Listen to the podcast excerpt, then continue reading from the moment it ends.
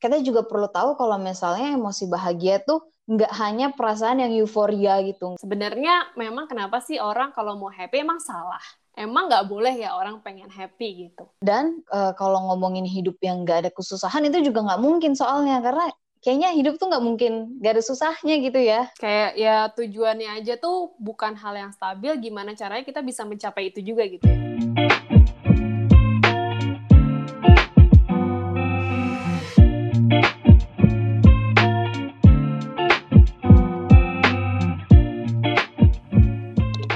Buddy, kembali lagi di podcast Major to Pause and Ponder.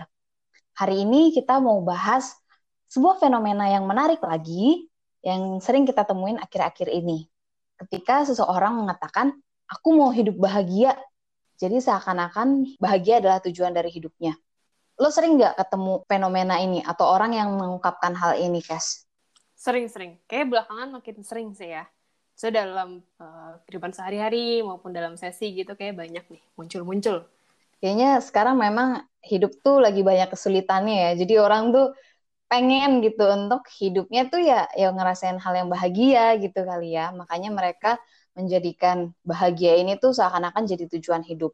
Hmm. Padahal bahagia itu kan abstrak ya. Mm Oke, di awal ini kita mau bahas dulu deh mengenai apa sih bahagia? Kalau orang ditanya apa itu bahagia, biasanya mereka tuh merefer pada dua hal, yaitu emosi, bahagia sebagai emosi atau perasaan yang dialami saat ini. Hmm. Emosi kan tuh banyak banget ya ada senang, ada sedih, ada marah.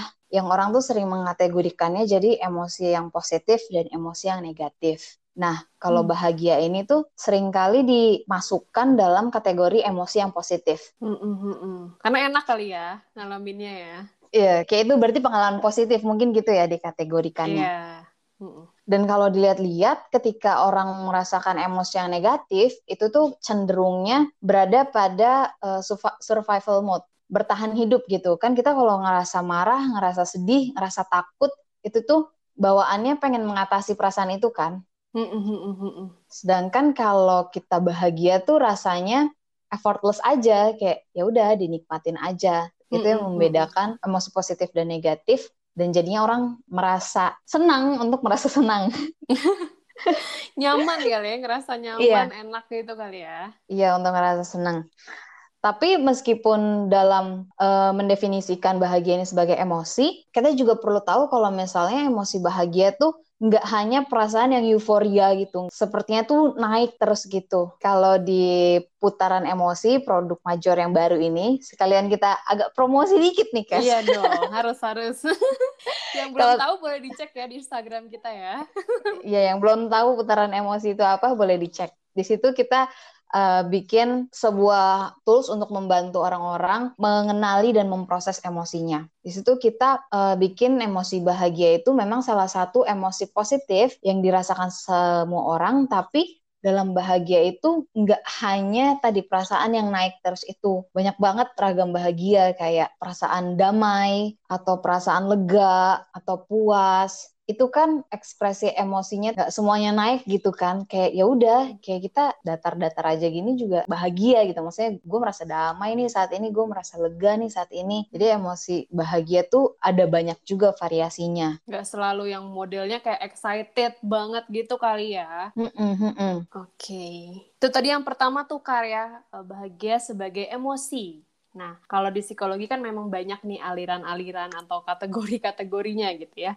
Kalau yang kedua ini mungkin uh, kelompok yang melihat kebahagiaan itu sebagai suatu hal yang lebih uh, dalam lagi kali ya, lebih deep lagi. Kalau emosi kan maksudnya kita merasakan itu itu merasa mengalami kebahagiaan itu tuh in daily lives gitu ya. Jadi setiap hari kita bisa mengalami itu. Yang kedua ini kebahagiaan itu kadang-kadang yang orang maksud dengan bahagia itu ternyata bukan hanya perasaan yang muncul day by day tapi lebih ke evaluasi kebermaknaan hidup gitu. Hmm. Berat ya hmm. bahasanya ya evaluasi kebermaknaan hidup gitu. Lihat keseluruhan gitu ya, overall iya. quality iya. gitu ya. Uh -uh. Jadi dia merasa, sih gue puas nggak sih dengan hidup gue gitu. Jadi uh, ada evaluasi yang lebih menyeluruh dari uh, kehidupan kita yang akhirnya mengarahkan kepada kesimpulan kita nih. Jadi gue sudah hidup menghidupi hidup yang bahagia atau belum, menjalani hidup yang bahagia atau belum gitu. Hmm. Jadi hmm. kalau orang bilang pengen bahagia antara dua tuh kebahagiaan yang dia maksud tadi yang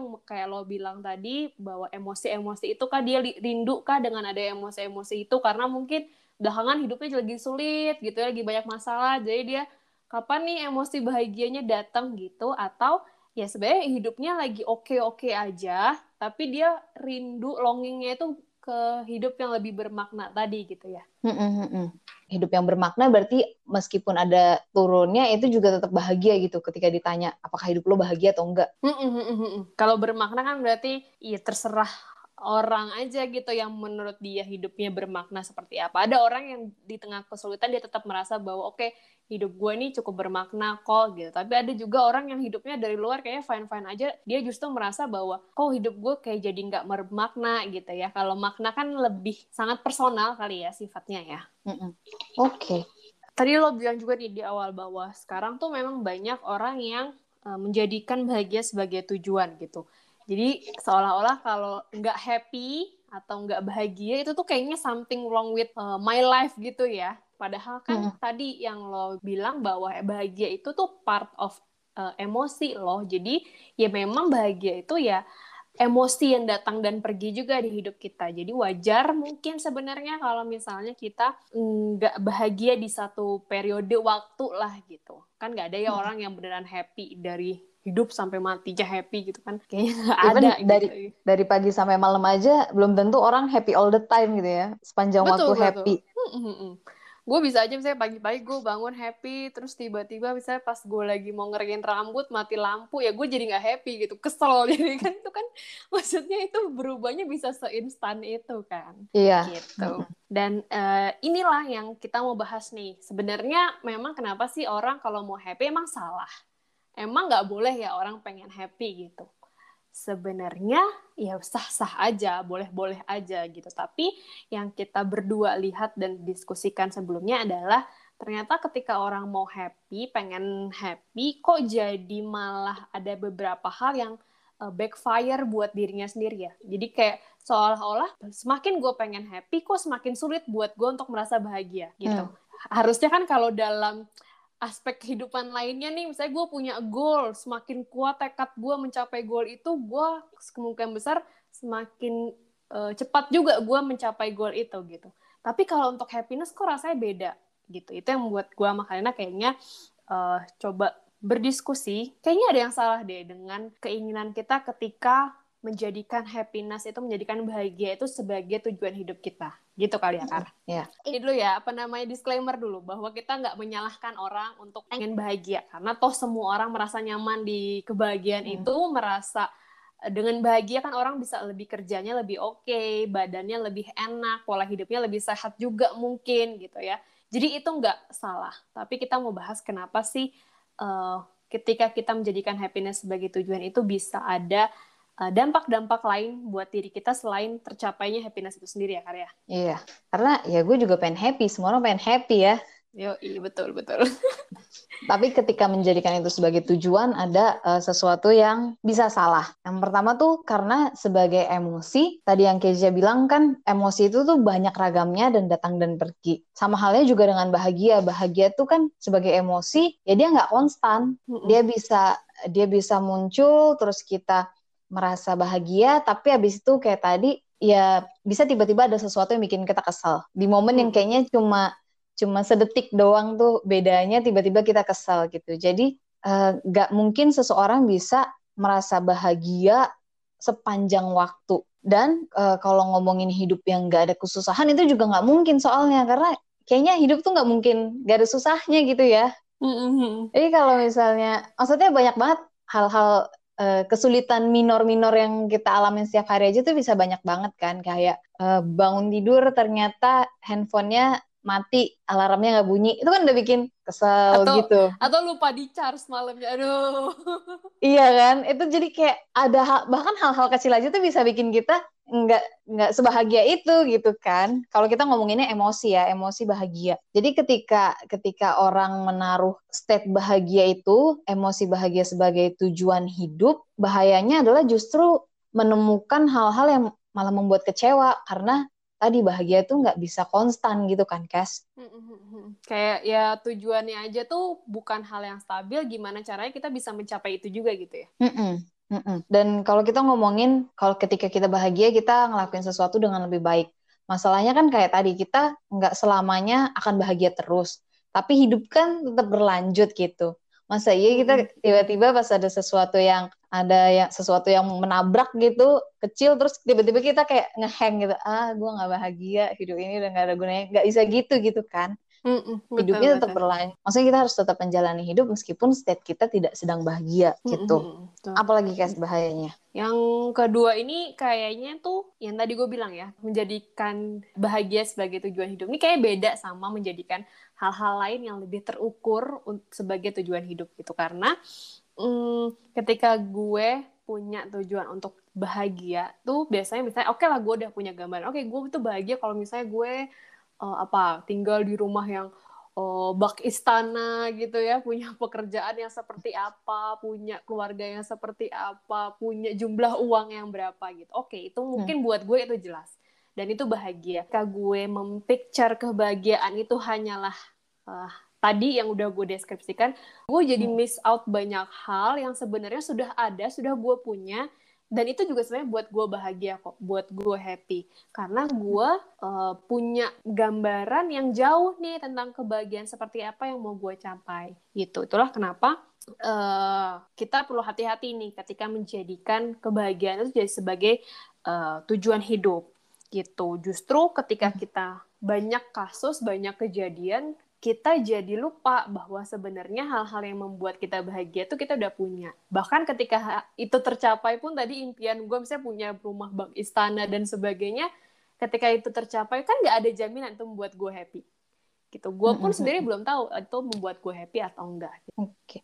Itu mungkin juga pengaruh nggak sih paradigma kalau yang lebih itu sesuatu yang lebih itu lebih baik jadinya hmm. yang kita tadi lo bilang nggak bisa menikmati apa yang sekarang apa yang sekarang dipunya karena selalu ada yang lebih gitu kan dari yang kita hmm. hmm, hmm. yang kita miliki saat ini hmm. hmm iyalah pasti ada sih kayaknya karya karena kan emang naturnya manusia kan membandingkan diri kali ya membandingkan hmm. apa yang gue punya dengan orang lain punya gitu jadi uh, ya tadi gue berpikir bahwa kalau gue punya lebih gue akan lebih bahagia. Kalau gue punya hanya 100, bahagia gue nilainya akan 100 gitu. Padahal nggak ada yang menjamin ketika gue dapet 100 itu gue beneran akan bahagia 100 gitu. Jangan-jangan ketika gue dapet 100 di saat yang bersamaan gue mengalami hal lain yang membuat gue jadi nggak bisa bahagia juga gitu. Jadi sebenarnya ketika kita menaruh bahagia itu sebagai tujuan, justru tadi dia membuat kita lebih rentan terhadap emosi negatif gitu ya.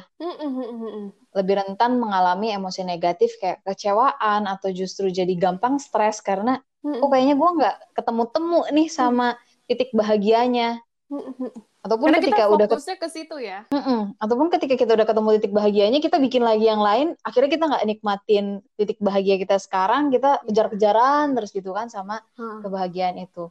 Jadi Betul. jadi stres gitu. Hidup yang tadinya pengen bahagia, jadinya malah jadi stres stres frustrasi bahkan kan banyak kan ya orang yang udah berusaha segala cara nggak dapet juga kebahagiaan jadi frustrasi gue pernah tuh dapet ada kain yang cerita dia tuh belakangan ngerasa ada masalah hidupnya terus dia jadi nggak happy lah intinya. Terus kayak dia hmm. melakukan berbagai hal yang dulunya buat dia happy tapi sekarang nggak nggak happy lagi. Kayak misalnya dia bilang dia dulu uh, kalau dengerin musik dengerin lagu itu buat dia udah cukup untuk bikin happy tapi ketika sekarang dia dengerin lagu tuh dia jadi nggak happy. Dan itu mengganggu banget buat dia. Kayak ada sesuatu yang salah nih dalam diri gue gitu. Kenapa ya hal yang dulu membuat gue bahagia tidak lagi membuat gue bahagia gitu. Padahal hmm. mungkin ya tadi ya karena memang bahagia itu kan emosi gitu. Dan bisa banget berubah-ubah seperti itu gitu. Iya kayak uh, sekarang hal itu bikin bahagia belum tentu nanti pada waktunya nanti itu bikin bahagia gitu kegiatan itu gitu ya dan hmm, mungkin kita betul. jadi harus explore lagi apa yang membuat bahagia. Mm -mm, that's fine kan, berarti sebenarnya ya. Iya. Terus gue pernah baca nih suatu yang menarik deh kalau kita ngomongin bahagia sebagai emosi. Kalau dilihat-lihat di putaran emosi kita juga, emosi-emosi dasar itu justru lebih banyak emosi negatif dibandingkan emosi positif. betul betul itu kayak waktu kita bikin sampai kayak tercengang sendiri. Wow ternyata seperti ini. Jadi kalau kita ngomongin kita pengen bahagia, kayaknya naturnya manusia tuh memang harus bertahan hidup kan? Kita memang harus work on it gitu kita harus berjuang. Jadinya nggak tahu ya apa mungkin itu udah make up biologiknya uh, emosi negatif tuh lebih banyak kita hadapin yang yang membuat kita terus-terusan bertahan hidup gitu kan. Berjuang bertahan mm -hmm. hidup. Oke okay, nah uh, kalau tadi tuh itu dua hal yang kayaknya kita perlu hati-hati ya ketika uh, menaruh kebahagiaan sebagai tujuan utama hidup kita. Jadi sekarang tuh udah mulai bergeser tukar. Sekarang tuh ada namanya psikologi positif lah. Di hmm. psikologi hmm. positif ini kan uh, mengacunya bukan lagi untuk mengeliminasi emosi negatif. Kalau dulu kan mungkin kayak gimana caranya biar kita nggak depresi, gimana caranya biar kita nggak kecemasan gitu. Sekarang hmm. tuh arahnya gimana caranya kita menjalani hidup tadi, hidup yang bermakna.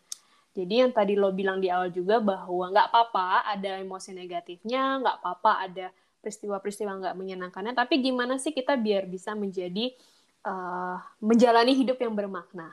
Karena tadi mungkin hidup yang bermakna tuh lebih bisa di maintain kali ya. Bisa kita usahakan dibandingkan bahagia sebagai emosi. Karena kan kalau bahagia sebagai emosi, dari tadi yang kita diskusikan tuh eksternal faktornya tuh banyak banget. Nggak bisa mm -hmm. di nggak bisa lah kita menutup semua kemungkinan dari luar uh, yang uh, misalnya apa nih gue nggak bahagia kalau mati lampu misalnya kan kita nggak bisa ke PLN bilang nggak boleh ya mati lampu rumah gue gue tuh nggak happy kalau mati lampu di rumah gue siapa lo gitu kan jadi kita nggak bisa menghalau hal-hal itu tapi kalau untuk kebermaknaan hidup tuh uh, banyak yang bisa kita lakukan supaya kita bisa menilai mendapatkan hidup kita itu hidup yang bermakna tadi gitu ya hmm. Yang pertama tuh kita perlu benar-benar menyadari dan menikmati sih hidup ini itu uh, seperti apa gitu. Karena ya pada akhirnya uh, hidup itu kan di saat ini, di sekarang, bukan di masa lalu, bukan di masa depan. Jadi tadi kalau gue berandai-andai setahun depan gue akan lebih bahagia daripada tahun ini kan nggak tahu juga, belum tentu juga. Jadi daripada gue fokus ke hal itu, ya udah gue fokus di hidup gue yang sekarang. Gue sadari apa sih sebenarnya yang buat gue bahagia hari ini deh. Misalnya hari ini tadi pagi tuh gue apa ya? Oh tadi pagi gue bangun pagi, terus cuacanya bagus, gue bisa olahraga.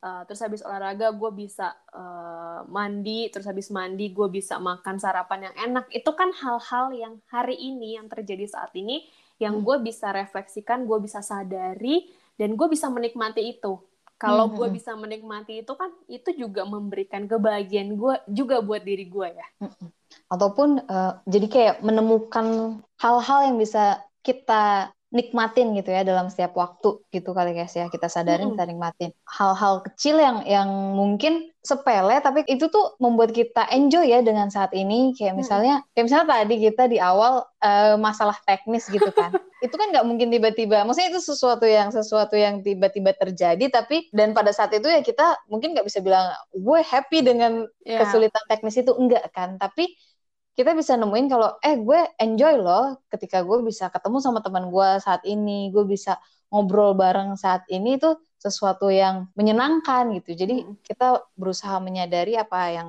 saat ini gitu ya apa yang saat ini sedang hmm. terjadi yang membuat kita bisa menikmatinya. Betul, betul. Hmm. Karena tadi balik lagi ya, intinya kan kita hidup di saat ini nih. Jadi harusnya ya energi terbesarnya kita alokasikan buat saat ini gitu. Iya.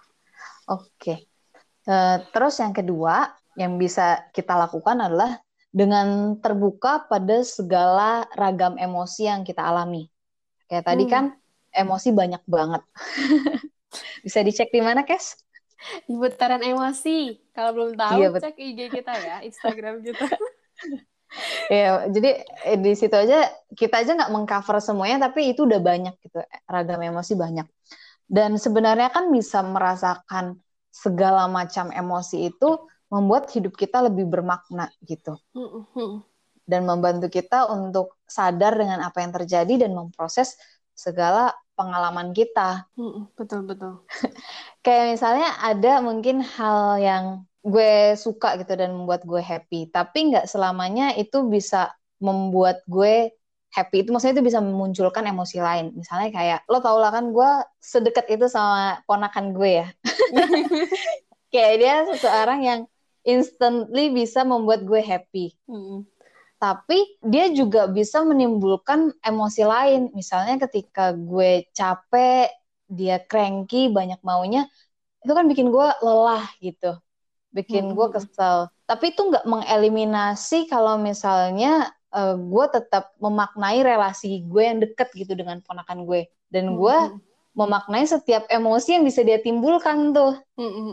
Jadi sesuatu yang sesuatu yang membuat kita, maksudnya sesuatu yang membuat kita bahagia juga bisa loh membuat memunculkan emosi-emosi lain. Apalagi kalau tadi ya berhubungan dengan orang lain, tadi ya gue juga jadi pikiran nih, kalau berhubungan dengan, kalau lo kan keponakan lo gitu, mungkin dalam relasi banyak relasi setiap relasi lah ya setiap relasi kita pasti kayak gitu nggak sih justru jadi uh, semua ragam emosi itu membuat hidup lebih bermakna kan Betul. Jadi kita lebih apresiat kan dengan oh momen ini happy nih jadi gue perlu mengapresiasi momen ini gitu ya.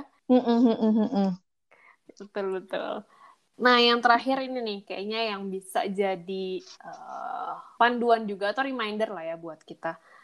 Hmm, tadi kalau misalnya kita menjadikan bahagia itu sendiri sebagai tujuan hidup kita kan uh, ada beberapa backfire yang bisa kita dapatkan dari hal itu gitu. Jadi daripada fokus ke emosinya, kebahagiaannya, menurut gue sama Karina kayaknya lebih uh, oke okay kalau kita fokusnya tuh ke kegiatannya. Jadi hmm. cobalah hmm. untuk eksplorasi. Uh, selama ini tuh yang buat gue bahagia tuh apa sih gitu. Mungkin bisa juga pakai jurnal kita. Hari ini banyak yang produk placementnya ya. bisa dibuka lagi tuh. Saya kan mau kalian punya catatan gitu ya. Oh, waktu gue ketemu temen gue setiap gue ketemu temen gue gue happy. Setiap gue ngobrol sama temen gue gue happy gitu. Berarti yang lo jadikan tujuan adalah si kegiatannya itu. Berarti misalnya oke okay deh gue pengen jadwalin sebulan sekali. Misalnya gue catch up sama teman-teman terdekat gue gitu. Hmm. Atau misalnya lo tiap olahraga lo happy nih gitu. Lo yoga hmm. lo tiap lo yoga lo happy gitu. Hmm. Jadi jadikan yoga itu sebagai bagian dari aktivitas lo misalnya. Hmm. Dan tapi ingat juga bahwa tadi mungkin itu nggak menjamin juga lo happy gitu. Kayak lo yoga pasti ada momen di mana itu sangat menyenangkan, tapi ada momen juga di mana yang nggak seberapa menyenangkan mungkin gitu ya. Tapi lebih aman tuh kalau lo masukinnya tuh kegiatannya bukan emosinya. Gitu. Jadi fokusnya ke kegiatannya bukan emosinya yang dijadikan sebagai tujuan. Iya, dan uh, dalam berkegiatan itu pun harus kita sadarin. Maksudnya kita harus engage gitu ya, Kes ya. Mm -hmm. Dengan kegiatan yang kita lagi lakuin sekarang. Misalnya kayak tadi lo bilang uh, ketika bikin waktu ketemu sama teman-teman ya lo engage gitu dengan waktu ketemu sama hmm. teman-teman pada saat hmm. itu benar-benar ngobrol benar-benar mendengarkan yang lain enggak yang pada saat itu tapi multitasking sama kegiatan lain gitu kan hmm. itu kan berarti bisa mengurangi bagaimana kita menikmatinya gitu kan hmm.